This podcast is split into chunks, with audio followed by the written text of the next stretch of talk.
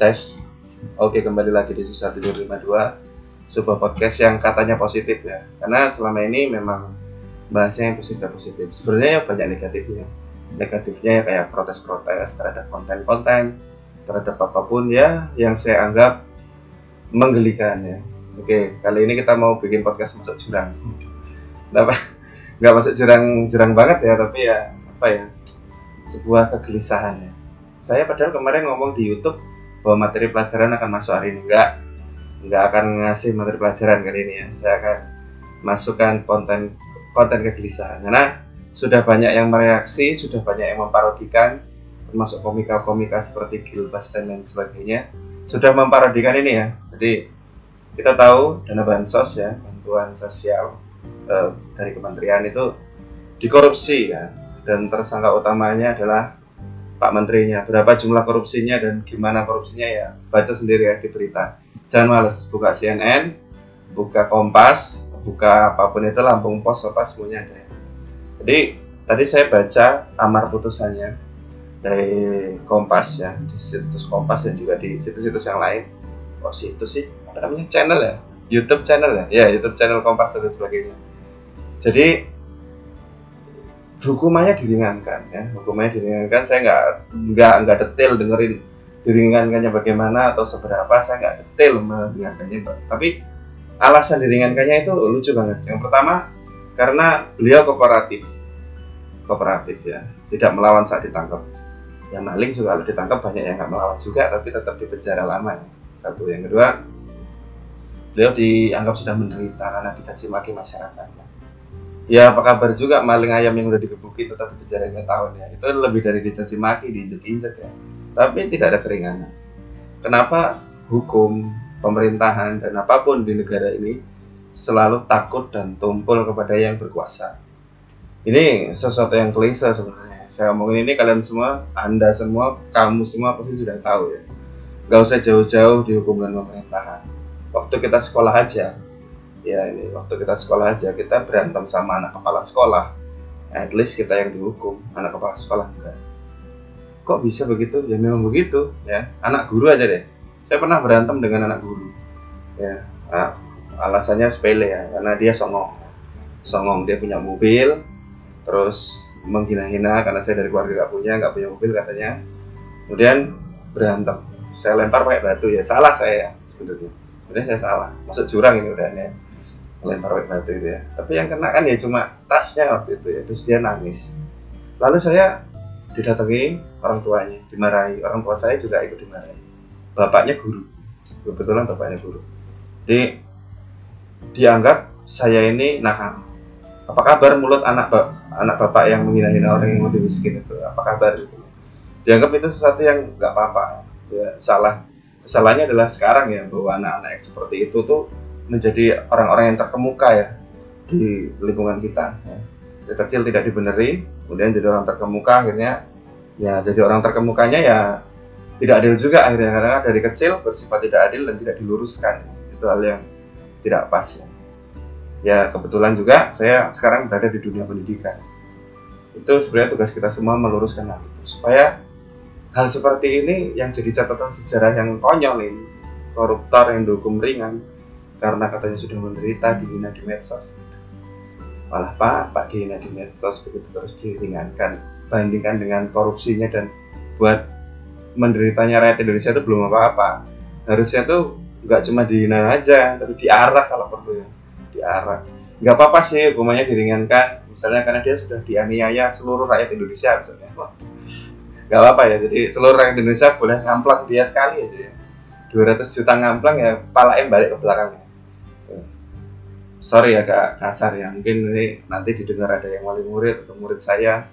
Ya ini buah pemikirannya ya. Jadi bukan bermaksud untuk kasar atau apa tapi ya sarkastik. Itu kadang satu media kita berekspresi ya bahwa di pemerintahan yang katanya demokratis ini yang katanya pemimpinnya merakyat ini yang katanya mendengarkan aspirasi rakyat ini ternyata masih sama saja. Apa bedanya dengan waktu saya kecil tahun 95 96 ya? Bahwa mereka-mereka yang punya kuasa, mereka-mereka yang punya jabatan tetap selalu dilindungi ya. seperti tidak tersentuh atau untouch, untouchable ya. Tidak tersentuh oleh hukum ya. Jangan oke okay, kita mau bahas juga jangankan pejabat dan anak yang merupakan anak pejabat. Kita misalnya kerja di satu instansi gitu. Ada teman kita ini satu pangkatnya sama misalnya. Kita pangkatnya sama. Sama-sama manajer atau sama-sama guru lah kalau sekolah. Tapi si guru atau si manajer ini ini sepupunya pemilik yayasan eh, sepupunya. Keponakannya pemilik yayasan misalnya. Atau uh, keponakannya pak bos misalnya. Itu juga beda lagi gitu. Kalau ada kesalahan bersama kita ya paling kita yang dunia jadi seperti itu. Tetap ada ketimpangannya sistem-sistem orang dalam begitu ya. Nah, seperti itu. Jadi nah, siapa yang harus disalahkan? Ya nggak tahu ya. Siapa yang salah siapa yang benar saya tidak tahu. Tapi ini hanya bentuk kekesalan saja bahwa orang yang sangat bersalah ya terbukti bersalah dan masih dibela-bela. Masih dibela-bela masih diringan-ringankan karena punya jabatan dan punya uang bisa berbuat apa saja. Lalu kalau memang solusinya orang seperti itu bisa dihukum hanya dengan dikamplang nah kalau dikamplang yang ngamplang juga jadi kena hukum ya. Misalnya kesel tuh ada Pak Juliari batu bara lewat. Nah nyebut merek gak apa-apa lah ya. Itu lewat gitu terus karena kesel tak lempar mobilnya pakai batu gitu. ya salah juga ya. Akhirnya yang lempar pakai batu ya bisa masuk penjara juga gitu. lebih lama dari Pak Juliari mungkin. Ya jadi koruptornya dihukum tiga tahun yang lempar mobil koruptor dihukum lima tahun penjara ya. Bisa jadi loh. Coba tes coba. Coba kalau ada yang berani ya gitu ya. Saya curiganya gitu loh. Ini sosial apa eksperimen ya katanya ya. Kalau zaman sekarang namanya sosial eksperimen. Kita coba. Kalau ada koruptor kemudian dia sudah dihukum kayak Bu Jaksa cantik dan seksi yang kemarin juga itu katanya karena dia punya anak balita. Kenapa ya penegak hukum kita jadi melo-melo begitu ya. Apa karena sudah digelitik dengan rupiah dan jadi coba saja kalau ibu yang jaksa kemarin itu yang di vonis tiga tahun ya itu lewat. Terus orang-orang yang pernah dibuat tidak adil olehnya dalam persidangan dan pernah menjadi korban bahwa itu penyuapan juga jengkel dan menghantam kaca mobil beliau. Dilempar aja kaca mobilnya kayak di Amerika itu ada aksi lempar kaca mobil ya kalau jengkel dengan orang atau pihak tertentu ya nanti yang lempar kaca mobil kita lihat. Fonisnya lebih tinggi atau lebih rendah daripada koruptor ya? Nanti yang lempar kaca mobil kena undang-undang eh lima tahun penjara. Koruptornya cuma tiga tahun ya. Bisa jadi ya. Tapi bukan untuk dilakukan. Ini cuma berandai-andai. Ini cuma filosofis filosofis. Jadi kalau memang orang punya kesalahan itu menurut saya memang harus mendapatkan uh, akibat dari kesalahannya itu. Kayaknya harus seperti itu harus dirasakan dari kecil ya. Misalnya uh, anak menumpahkan air di lantai ya hukumannya bukan hukuman ya konsekuensinya dia harus mengepel lantai. Bukan dihukum dengan push up di atas lantai bukan ya. Tapi you menumpahkan air ya you pel. Kamu memutuskan kabel ya sambung lagi kalau bisa. Kalau nggak bisa ya minta maaf. Tidak akan mengulangi kemudian e, nanti diminta tolong siapa yang bisa seperti itu. Jadi sifat bertanggung jawab itu sepertinya harus ditanamkan dari kecil. Mungkin juga orang tua Pak Juliari ini dari kecil juga sudah mengajari tanggung jawab anti korupsi mungkin sudah ya. Cuma nggak tahu ya. Jadi seperti itulah keadaan kita.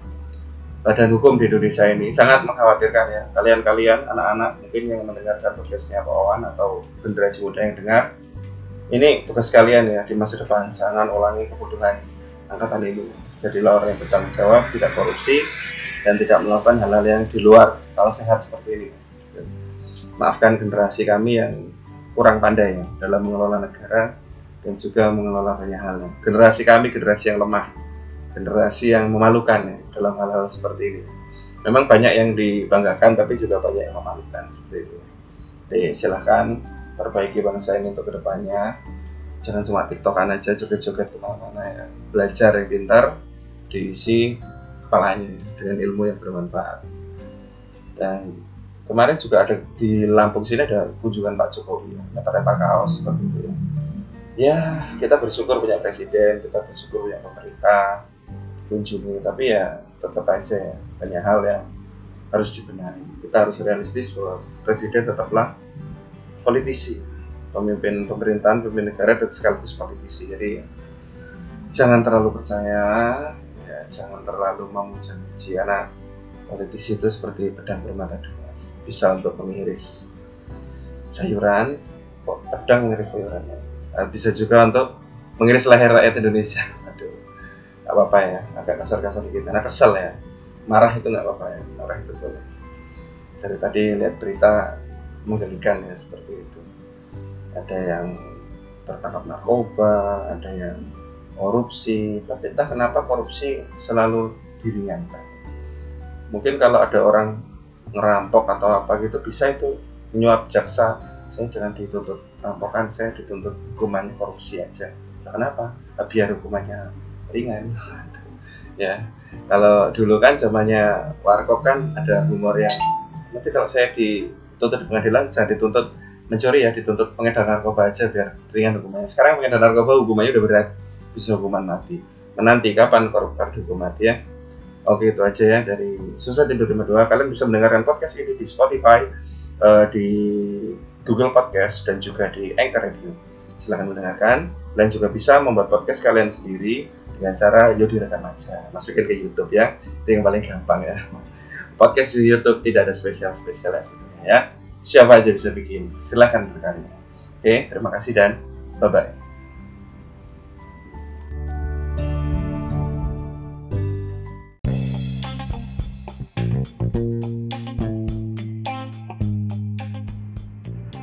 Hai, saya Wawan.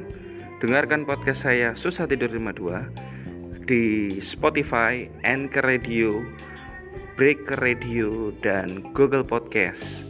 Kalian juga akan bisa mendengarkan materi seni budaya dan prakarya kelas 6 dan segala macam obrolan lainnya yang walaupun random yakin itu bermanfaat ya. Jadi stay tune.